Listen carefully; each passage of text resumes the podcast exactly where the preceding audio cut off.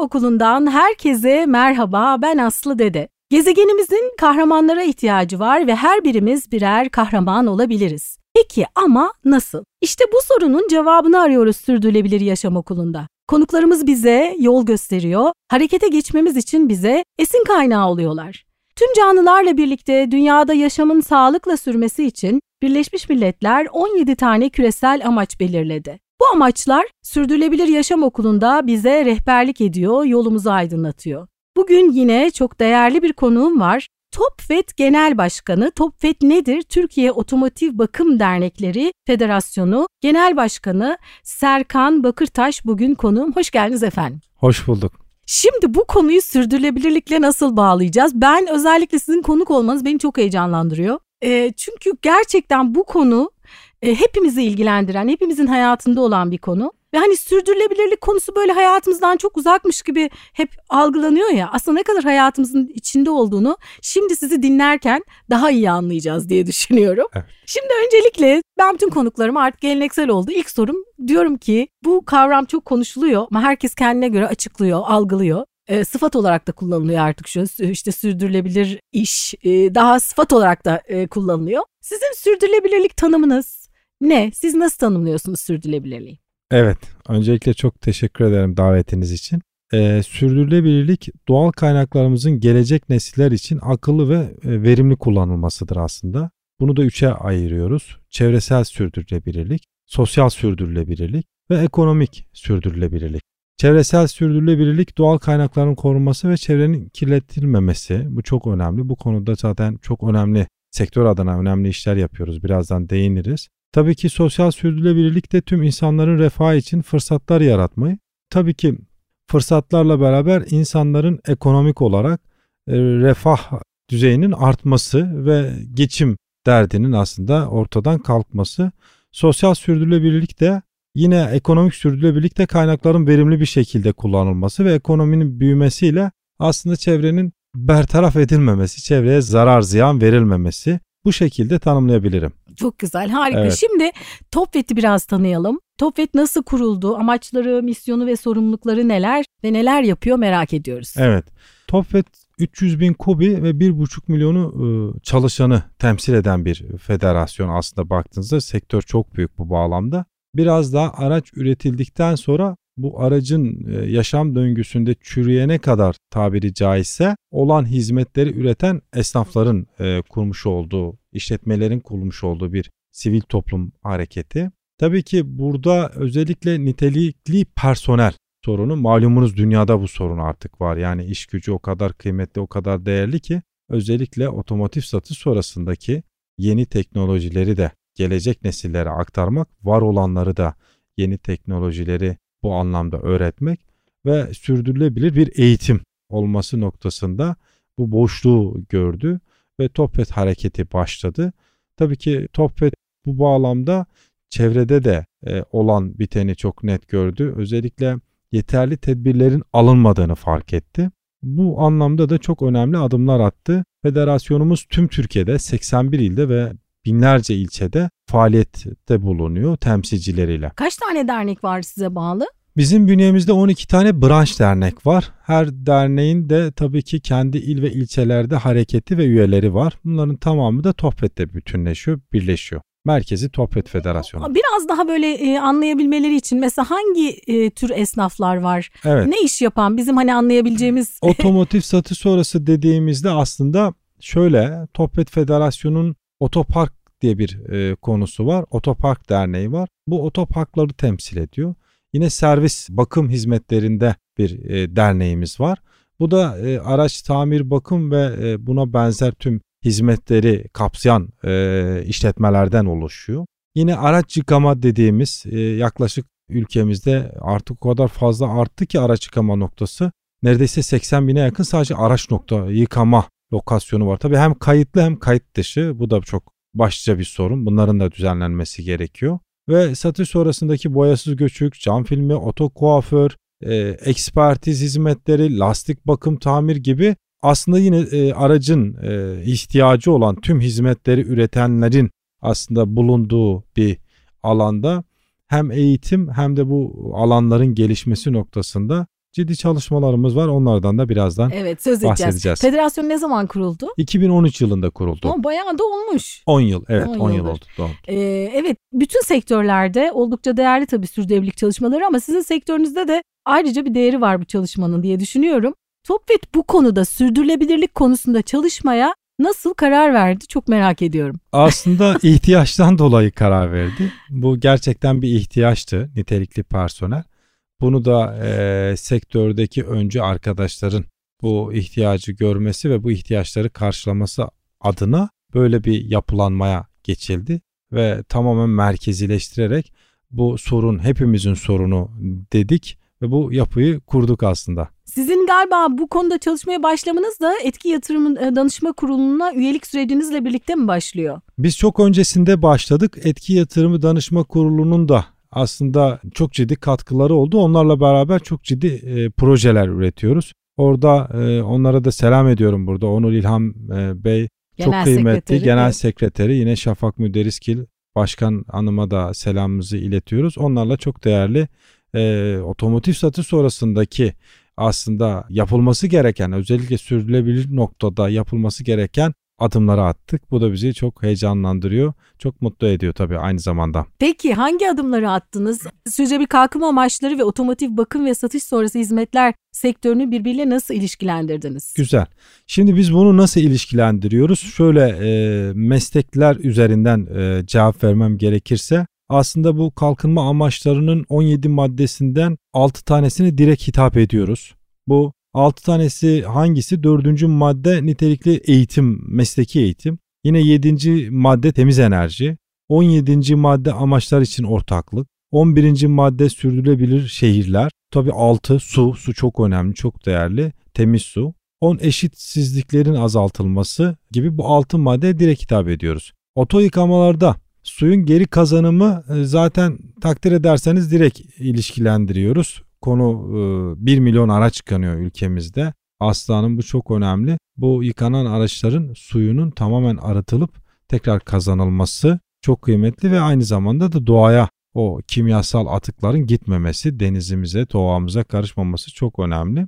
Tabi bilinçsiz tüketim, çevre kirliliği, enerji verimliliği, tabi nitelikli personel de direkt bizi ilişkilendiriyor bu maddelerle. Evet. Şimdi Evet. o zaman onların üzerinden birer birer geçeceğiz. Tabii çünkü ki. merak ediyoruz. Ee, ve siz özellikle bir de zaten bununla bağlantılı olarak da TOPFED Sürdürülebilir Gelecek raporu ve eylem planı hazırladınız. Ve bunun içinde de aslında bunların hepsinden söz ettiniz. Ee, bu bundan biraz bize sö- söz eder misiniz? Raporda ve eylem planında neler var? Yani bu Evet. projeler var. Evet, eylem planımızda aslında TOPFED yaptığı işbirlikleri ve güçlü iletişim ağı çok önemli. Biz çünkü çok güçlü bir iletişim ağımız var 81 ilde. Bu ağımızda sürekli iletişimdeyiz. Yine TOPFED Akademi bu zaten nitelikli personellerle ilgili eğitim, nitelikli eğitimle ilgili. TOPFED Kariyer o da yine lokasyonların bu personel ihtiyaçlarını karşılamak için sadece otomotiv satış sonrasına hitap eden bir portal olacak. Bu çok e, önemli. TOPET sistemle de e, tüm sistemlerin kurulması ve denetim mekanizmasının oluşması ve standartların oluşması e, çok önemli. TOPET projelerden tabi bahsedeceğim birazdan. TOPET girişimcilik ve TOPET veri. Bunlar konu başlıkları. Konu şeyde, başlıkları, hı, evet. Konu, Hı. rapordaki konu başlıkları. Birazdan da isterseniz bu detaylarından da bahsedelim. Evet. E, projeleri merak ediyorum. Özellikle bir Yeşil Bayrak projesi var. Onu, Evet. onu ayrıca konuşacağız. E, ne tür projeler var? Evet. Yeşil bayrak e, dediniz. İsterseniz yeşil bayrağı biraz açalım. Yeşil bayrak çok önemsediğimiz e, ve yıllardır üzerinde çalıştığımız bir proje. Yeşil bayrakla aslında e, bu branş işletmelerde işte oto yıkama olsun, servis olsun, lastik lokasyonu olsun bu işletmelerin belli kural setleri çalıştık. Ve amacımız tabii ki bu kural setlerini uygulayan, bu standartları uygulayan lokasyonlarımızı tespit edeceğiz ve bunları uygulayanlara yeşil bayrak ünvanını veriyor olacağız federasyonumuz tarafından. Bunu da yayınlayacağız. Tabii ki bu yayınlanmasıyla beraber iş hacimleri de artıyor olacak.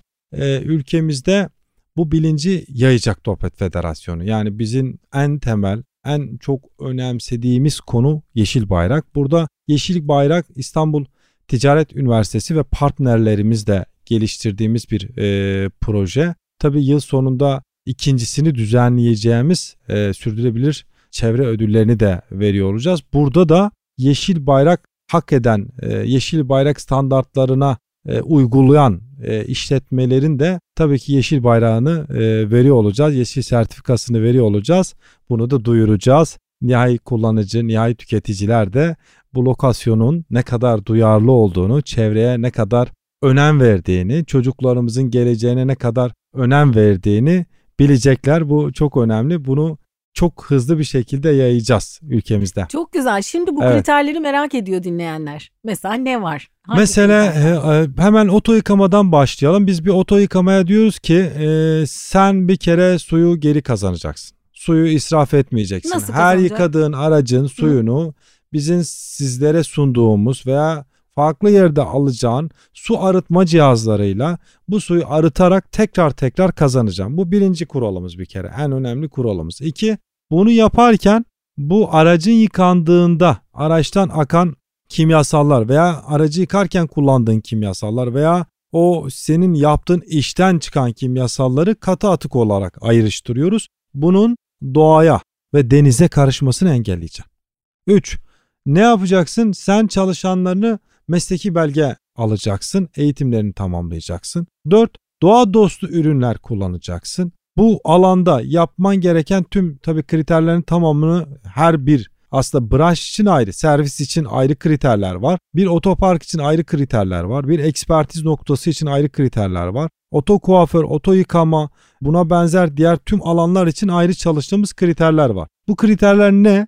Aslında bu kriterler olması gereken doğamızı korumak için konulmuş kriterler. Bu kriterlere uyan kişiler tabi bunun lansmanı duyurusunu yapmadık yapacağız. Dediğim gibi bunu yaptıktan sonra da bu kriterleri yapan işletmeleri denetleyeceğiz, ziyaret edeceğiz. Bu kriterleri uyguladıysalar tabii ki bu yeşil bayrağı almaya hak kazanacaklar. Tabii bunun denetimi de olacak. Sonraki çalışmamızda nihai tüketici de bunu denetleyecek. Bir kere yeşil bayrağı verdik bitti değil. Tabii sonrası çok önemli. Bunu sürdürülebilir olması çok önemli. Evet, evet tabii. Bunu da çok önemsiyorum. Evet, evet, önemsiyoruz. Çok güzel. Aslında tüketici de sahip çıkacak. Evet. Yani sonuçta biz de hep tüketicilere evet. diyoruz ki seçimlerimizi yaparken dikkatli olalım. Ee, bizim de çünkü önemli bir görevimiz var aslında satın alma karar verirken e, herhangi bir ürün veya hizmet satın alırken biraz araştıralım ve mümkünse dünyaya daha az zarar veren evet, ya da zarar evet, vermeyenleri evet, vermeyen, vermeyen, evet, evet, seçin diyoruz. Kesinlikle Dolayısıyla öyle. bu da gerçekten bakalım çok merak ediyorum o yeşil bayraklı tesisler ne zaman ben o bayrakları e, evet, göreceğim. Evet evet şey gibi aslanım denizlerimizde mavi bayrağı görüyoruz. Görünce çok mutlu oluyoruz. Aa burası mavi bayrakmış diye koşa koşa oraya gidiyoruz. İnşallah sektörde de lokasyonlarımızda da yeşil bayrak buna benzer. Aslında bunu zaten örnek alarak hareket ettik. İsmi de o yüzden yeşil. Yeşile vurgu yapmak istiyoruz. Doğamızı, çevremizi, kaynaklarımızı korumamız lazım. Çocuklarımıza yaşanabilecek bir dünya bırakmak istiyorsak buna mecburuz. Buna zorunluyuz yani. Bu bir tercih de değil. Bu artık olması gerekiyor. Evet. Yaşamımız için kaynaklarımızın ne kadar hızlı tükendiğini görüyoruz. Ben çok üzülüyorum bazen. İşte memlekete gidiyoruz. O akan dereler akmıyor. Konya Ovası'na bakıyorsunuz. E, çok üzülüyoruz yani o kuyular, o açılan kuyular bazen oluk oluk diyorsunuz ki bir göçük oluyor. E, çökecek neredeyse yani çok ciddi çok özür dilerim ama hunharca bir tüketim var. Bunun gerçekten önüne geçilmesi gerekiyor. Biz otomotiv sektöründe ülkemizde bu anlamda öncülük yapıyoruz bir sivil toplum hareketi olarak dediğim gibi 300 bin KOBİ ve 1,5 milyon çalışanı olan bir sektörden bahsediyoruz. Biz daha çok nihayet tüketiciye dokunan tarafız. Yani her işlemi nihayet tüketiciye o hizmeti üreten günlük 5 milyon işlem yapan bir federasyonuz. Yani 5 milyon araç kullanıcısına her gün hizmet ediyoruz. 2 milyon insana parklanma hizmeti veriyoruz. 1 milyon insanın aracının yıkanması, 1 milyon kişinin aracını vale hizmeti vermesi, 1 milyon kişinin servis, lastik, ve buna benzer diğer tüm hizmetleri almasını sağlıyoruz ve bunu her gün sağlıyoruz. Bakın 26 milyon araç var. 10 yıl önce ne kadar araç vardı? O 10 yıl önce 10 milyon araç vardı. Neredeyse 3 katına çıkmış. Evet. Peki 10 yıl sonra aslanım kaç araç olacak? Peki biz bunu nasıl önleyeceğiz? İşte bu tedbirleri bir an önce almak zorundayız ve bunlar belli ülkelerde yasal zorunluluk var. Kafanıza göre bu işletmeleri açamazsınız. Bizim de hedefimiz bu çerçevede bu adımları atıp yavaş yavaş o tarafa yeni açılan noktaların bakın bundan sonra böyle nokta açmak durumundasınız. Var olanları da dönüştürme evet. çalışması. Bu bir süreç tabii ki ama tabii biliyorsunuz başlamak bitirmenin yarısıdır. Evet. İşte bu başlamak çok kıymetli. Biz bu işe başladık. Bu e, işe tüm sektör olarak bilinçli sektörün tamamı bunu yapabilir. Zaten bu hareketi başlattı Toffet. Birlikte hareket ederek bunu başarabileceğimizi çok iyi biliyoruz. Çok önemli e, bir dokunuşunuz var açıkçası sistemin de söylediğiniz gibi. Dolayısıyla gerçekten dönüşümü sağlamak için çok büyük bir etkiniz e, olur diye düşünüyorum. Evet. E, başka hangi projeler var Yeşil Bayrağın dışında? Yeşil Bayrağın dışında aslında şöyle söyleyeyim. Otomotiv sektöründe kadın gücüne çok önem veriyoruz. O otomotiv, ilginç, o da çok ilginç. Tabii otomotiv satış sonrası Genel, sektöründe. Genelde erkeklerin hakim olduğu bir e, sektör çünkü evet, değil mi? Evet kesinlikle öyle.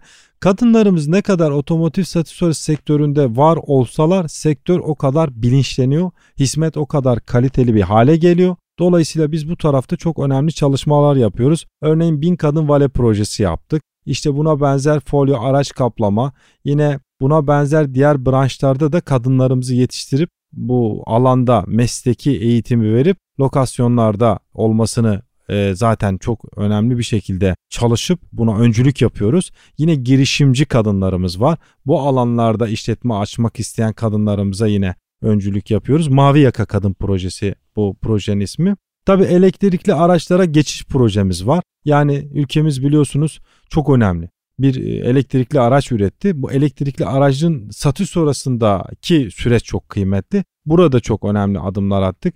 Bu çalışmaları yapıyoruz. Yine bağımlılığa karşı temiz sayfa dediğimiz bir proje var. Bu çok kıymetli. Burada da yine Yeşilay partnerimiz.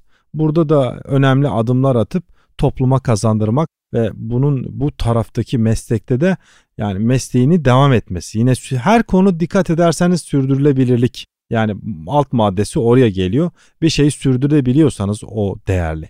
Yani sürdüremiyorsanız tabii bir süre gidiyor ve ondan sonra bitiyor. Çok anlamsız oluyor. Ağaçlandırma yoluyla karbon dengeleme sertifikası projemiz var. Yine sosyal etki tahvili bu da ilk olacak Türkiye'de yine bu projeler. Bu projeler üzerinde belli bir aşamaya geldik. 12. ayda ikincisini düzenleyeceğimiz e, sürdürülebilir zirve, gelecek zirvesinde de bu e, projeleri açıklamış olacağız. Bu adımları atmışız zaten. Bunları verilerle e, sizlerle tüm kamuoyuyla paylaşacağız. O tahvilden biraz bahsedebilir miyiz?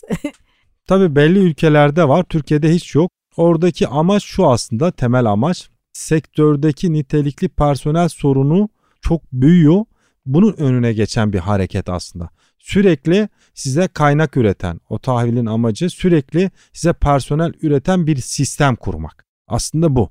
Yani sizin bir işletmeniz var, sizin çalışanlarınız var. Sizin çalışanlarınız e, bazen ayrılıyor, terfi ediyor ve başka bir işe gidiyor ve siz sürekli bir çalışan aramak zorunda kalıyorsunuz. Dünyada iki tane temel sorun var baktığınızda. Çok önemli işletmeler adına konuşuyorum. Bir nitelikli personel sorunu, iki bir de işletmeler iş istiyor.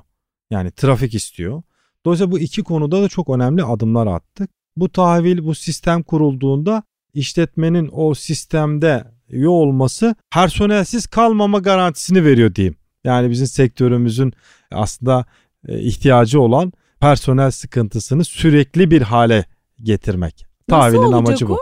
Bunun detaylarını Sonra. paylaşacağız. Evet. çok önemli çok.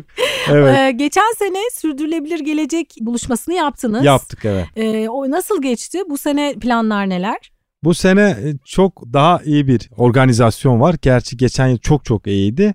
Farklı yeni projeler var daha doğrusu. Aynısını düzenleyeceğiz ve bunu biz sürekli yapmayı arzu ediyoruz. Yani her yıl çevre duyarlı, doğa dostu, sürdürülebilir hareketli projeleri olan e, sektörümüzdeki bu anlamda özverili davranan işletmeleri biz tabii ki bu zirvede e, ödüllerini takdim edeceğiz ve bunu geleneksel bir hale getirdik. Böyle de devam edeceğiz. Otomotiv sektöründeki sürdürülebilir tüm süreçleri burada anlatıyor olacağız. Çok güzel, harika. Attığınız bu adımları derneklerin tepkileri nasıl oldu? Siz bunları yaptıkça hani size bağlı dernekler var. Dernek başkanlarının ya da federasyonda çalışan e, diğer kişilerin Bu yaptığınız şeyleri hani şimdi ne yapıyorsunuz siz e, dediler mi yani ya da hani ee, uzak mı kaldılar nasıl uz- tepki verdiler? Uzak kalmadılar. Bilakis tam içindeler. Onlar çok emek e, veriyor bu alana. Çünkü otomotiv satış sonrası bu sektörün geleceği bu sektördeki çalışanların geleceği. Neticede bu hizmeti üretirken herkes geçim çok önemli. İşte malumunuz insanlar sürekli işlerini geliştirmek istiyor ve dünyayı da korumak istiyor. Tabi bu hareket onlar için çok kıymetli. Yapılan işler çok değerli. Özellikle mesleki eğitim diyoruz. Bakın Sayın Cumhurbaşkanımız da özellikle vurgu yaptı. Bu son dönemdeki konuşmasında da zanaatı öğreteceğiz, mesleği öğreteceğiz. Dolayısıyla bu çalışmaların içindeler. Çok da keyifle emek veriyorlar. Önümüzdeki dönemlerde çok daha fazla e, bu alandaki somut adımları tam sektörle paylaşacağız hem kamuoyuyla paylaşacağız. Evet. Peki şimdi bu yeşil bayrağa başvuran işletmeler oldu mu şu anda? Biz e, daha yayını başlatmadık. Evet. Bir yayın başlatacağız. Hı hı. Başvuruları toplayacağız. Bu başvurulardan sonra da bir denetim olacak. Bu başvuru yapan noktalara. Bu kriterleri uygulayanları da tabii ki ilk yeşil bayrak alan noktalar olacak. Bu da çok önemli. Düşünsenize ilk yeşil bayrağı Türkiye'de sizin bir işletmeniz var ve siz alıyorsunuz. Bu ne kadar değerli, ne kadar kıymetli.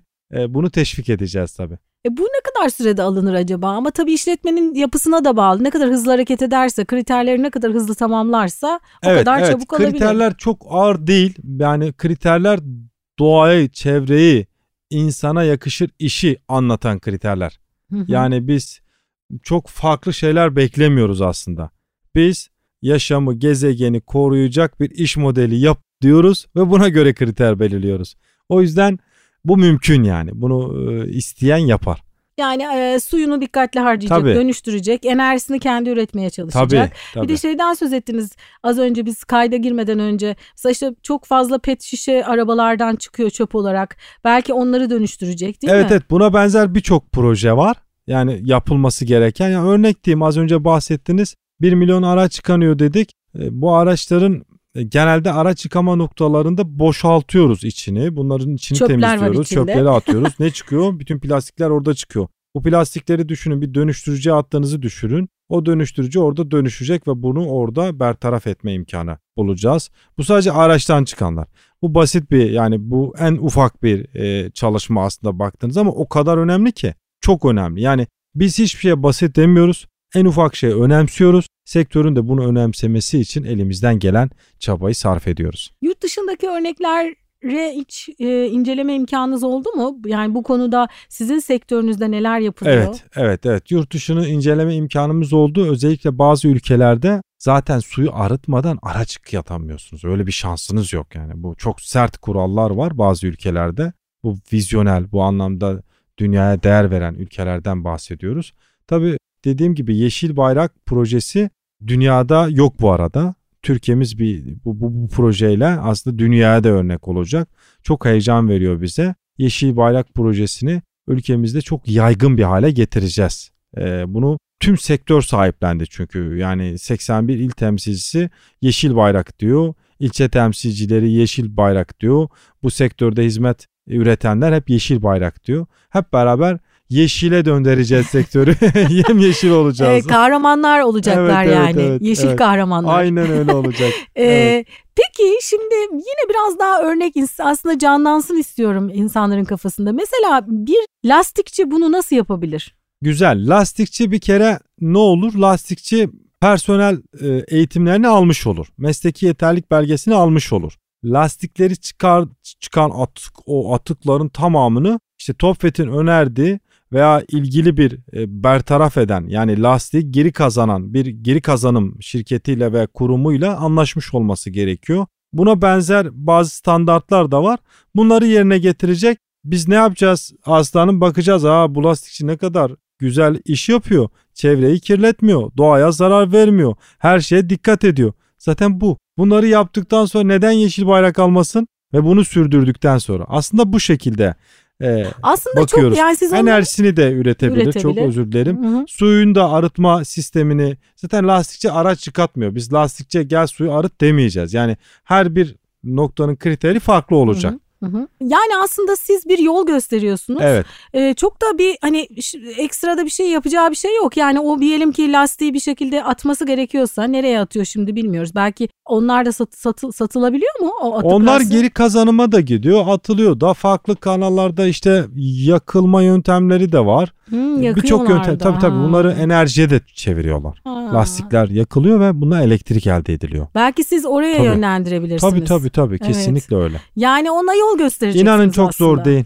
Tabii, Çok tabii, zor değil. Hiç zor değil. Bu kriterler de zaten Top Fed Federasyonu bu kriterleri açıkladığında bu kriterlerin tamamı olmasa da o olanları yapar. Olmayanlara da bir deadline konulur. O süre içerisinde onları yerine Yerine getirir. getirin. Bak ben bütün hepsini yaptım. Amacımız bu zaten. Çünkü neden? De- dediğim gibi 5 milyon işlem var her gün. E bu işlemlerden çevreye verilen zararı düşünebiliyor musunuz? Tabii. Biz bunun önüne geçmek istiyoruz. Amacımız bu. Ama sadece o da değil. Aslında o cihazı e, alıp da suyu tekrar tekrar kullandığı zaman e, su faturaları da Tabii ekonomik e, tarafı çok elektrik başka. faturaları da Bakın ekonomik tarafı aynen öyle. Evet. Bununla beraber iş hacmi artacak.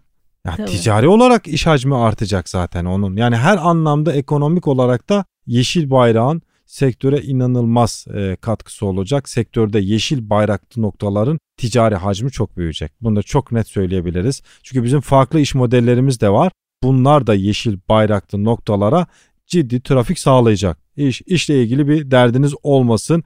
Biz size her türlü iş yollarız. Siz yeter ki yeşil bayrak kurallarına uyun. Bütün şeyimiz bu Ee, olacak. Serkan Bey tam federasyon başkanı gibi konuştunuz. Çok teşekkür Ee, ederim. şey e, tabii şöyle bir şey var aslında sürdürülebilirlikle ilgili atılan adımlarda genelde belki başta başlangıçta bir maliyeti oluyor bu işin. evet. Diyelim ki bir cihaz alması gerekecek. Heh, Ama o da orta vadede e, hani kıs, kısa vadede olmasa bile belki orta vadede hemen onun dönüşünü alacak. Belki kısa vadede bile sonuçta su su harcamayacak. su Orada da- faturasına Orada da bir çalışmamız var. Yani biz bir cihazın maliyetini o cihazı almak isteyen noktaya yıkmayacağız. Almak istiyorsa imkanı varsa alsın diyoruz. Alamıyorsa biz bu cihazları anlaştığımız kurumlarla o noktanın kiralamasına müsaade edeceğiz. Ha, Böyle bir fırsat vereceğiz. Yani noktaya diyeceğiz ki siz kaç para su faturası ödüyorsunuz? Ben 10.000 TL ödüyorum. Peki bu cihazı koyduk buraya bundan sonra siz 8.000 TL ödeyeceksiniz diyebileceğiz. Bunlar yapıldı bu arada bu fizibiliteler yapıldı çalışmalar yapıldı. Dolayısıyla hem 2000 lira su faturasından kazanmış olacak. Daha önemlisi de ben suyumu koruyorum. Tekrar tekrar aratıyorum. Araç yıkatırken suyum israf olmuyor. Araç yıkatırken bu atıkları da toprağa denize karışmasını engelliyorum. Bu o kadar kıymetli ki düşünebiliyor musunuz? Tabii tabii. Ya 1 milyon araç bu arada 1 milyon üzerinde işlem var. Yani 26 milyon aracın olduğunu düşündüğünüzde akaryakıt istasyonlarında araç yıkanıyor. Servislerde araç yıkanıyor. Araç yıkama noktalarının zaten tek işi bu baktığınızda. Birçok alanda, tesislerde bunların hepsinde bu cihazlar yayılmak zorunda. Biz Çevre Bakanlığımızda da belli bir aşamaya geldik. Bunun yasal zemini de hazır. Yasallaşacak yani bu yeşil bayraktan sonra yasal olarak zorunlu hale gelecek. Yani vale sektöründe yaptığımız gibi e, ne var şimdi? Vale olmak istiyorsanız artık vale eğitimini almak zorundasınız ve o belgeyi almak zorundasınız. Sonra vale görevlisi olabiliyorsunuz. İçişleri Bakanlığı ve Çevre Bakanlığı ile bu e, çalışmayı yapmıştık. Resmi gazetede yayınlandı. Bunun gibi düşünebilirsiniz. Dolayısıyla bu da hem sektörü e, geliştirecek hem de tabii ki gezegenimizi korumuş olacağız. Topraklarımızı, ülkemizi, çocuklarımızın geleceğini korumuş olacağız. Amacımız bu. Belki yasalaşmadan önce bir hazırlık Evet, e, evet. aşaması Tabii. gibi olacak. Tabii tabii kesinlikle. Peki e, Serkan Bey e, sizce biz sürdürülebilir yaşam kültürü nasıl oluşturabiliriz? Sizin kendi hayatınızda, günlük yaşantınızda e, bu konuda yaptığınız neler var? Evet. Yaşam alışkanlıklarınızda değiştirdiğiniz şeyler var mı? Daha az su tüketmek için mesela. Ben en basitini söyleyeyim. Ben örneğin dişimi fırçalarken suyu açık tutmuyorum mesela. Evet, ya bu da çok akşam basit ama Tabii, önemli. çok önemli. Akşam işte e, lamba açık bırakmıyorum uyurken. Ona dikkat ediyorum. İsrafı sevmiyorum. E, israf etmek gerçekten hiç doğru değil. Yani o tüketim. Peçete alırken 10 tane birden kullanıp atmıyorum. Örneğin bunlara dikkat ama ediyorum. bunlar çok önemli. Evet, evet, evet. Bunlar önemli. Yine gelecek nesiller için doğal kaynakları ve çevreyi korumak için hepimizin ortak sorumluluğudur. birlikte çalışarak sürdürülebilir gelecek geleceğimizi inşa etmeliyiz. Aslında baktığınızda bu e, önemli. Herkes kendi üzerine düşeni yapsa zaten bu problemler e, buralara gelmez. Bence erken ülkemiz çok kıymetli. Çok çok değerli bir ülke var. Coğrafi olarak, iklim olarak Türkiye'miz çok kıymetli, çok değerli. Ben diyorum ki geç değil. Tedbirler alınırsa 20 yıl sonra çok başka olur. Çocukluğumuzu özledik. O doğal yaşamı özledik. Şu an tedbir almak zorundayız. Gerçekten zorundayız. Yani ben çok üzülüyorum birçok şeye. Ama tabii ki şu da bir gerçek biraz daha artık köylere gitmek lazım. Biraz o tarafa gitmek lazım. Toprağın ne kadar değerli olduğunu anlıyoruz. O babaannemin tohumunun o toprağa ektiği tohumların bile ne kadar kıymetli değerli olduğunu bugün çok daha iyi anlıyoruz. Çünkü e, bu tedbirleri almak zorundayız. Başka bir şansımız yok bence. Evet. Ben böyle düşünüyorum. Yani dünyada yaşamın devam edebilmesi evet. için insan için. Evet insan için. yani Çok doğru. Sonuçta çünkü pandemi döneminde gördük ki evet. biz dışarı çıkmadığımız zaman doğa daha bir canlandı. Canlandı canlandı canlanmaz mı? Doğa dereler açtı. Evet, evet. Çiçekler açtı. O yüzden yani, yani evet. o aslında e, yani insan doğru. için e, biz sürdürülebilirliği konuşuyoruz aslında. Evet. İnsan olmadan zaten ekosistemde denge belki de kendiliğinden evet. devam edecek. Kesinlikle öyle. Kesinlikle öyle. Ay, Bazen insanın müdahalesi. E, üzülüyoruz yani sahile iniyoruz. Ben Yeşilköy tarafında oturuyorum. Cumartesi bir pazar sabahı yürüdüğümde şoka giriyorum. Yani o kadar e, çöpler e, değil mi? Ya şey oluyor insanın böyle içi almıyor yani çok üzülüyor. E, dolayısıyla bunların önüne geçmek gerekiyor. Burada her bir bireyin üzerine düşmesi, üzerine düşeni yapması gerekiyor. Sektörlerin birden hareket etmesi lazım. Sivil toplumların özellikle öncü olması lazım. TOFET işte bu yüzden e, otomotiv sektöründe bu konuda öncülük yapıyor. Birçok konuda öncülük yapıyor Türkiye Otomobil Bakım Dernekler Federasyonu. Bu konuda onun için olmazsa olmaz zaten kurulma amacına baktığınızda TOFET'in bir nitelikli personel, iki sürdürülebilir bu amaçlar üzerine kuruldu. Çok güzel, harika. Evet, evet. Peki eklemek istediğiniz başka bir şey var mı? Çok teşekkür ediyorum ben verdiğiniz teşekkür değerli bilgiler için. Ee, gerçekten çok önemli bir iş yapıyorsunuz. Sizi tebrik ediyorum. Çok teşekkür ederim. Heyecanla Aralık ayındaki sürdürülebilir gelecek zirvesini bekliyoruz. Buna hazırlanıyoruz. İnşallah orada da hep beraber e, oluruz. Çok teşekkür ederim. Evet. Evet bir bölümün daha sonuna geldik. Bugün Top ve Türkiye Otomotiv Bakım Dernekleri Federasyonu Genel Başkanı Serkan Bakırtaş konuğumdu. Bize nasıl ulaşabilirsiniz? Sosyal medyadan Sürdürülebilir Yaşam Okulu yazarak ya da sürdürülebiliryaşamokulu.com adresinden bize ulaşmanız mümkün. Ben Aslı Dede bir sonraki bölümde buluşmak üzere demeden önce başta ne söylemiştik? Tüm canlılarla birlikte dünyada yaşamın sağlıkla sürmesi için gezegenimizin kahramanlara ihtiyacı var. Ve o kahraman sen olabilirsin. Harekete geç.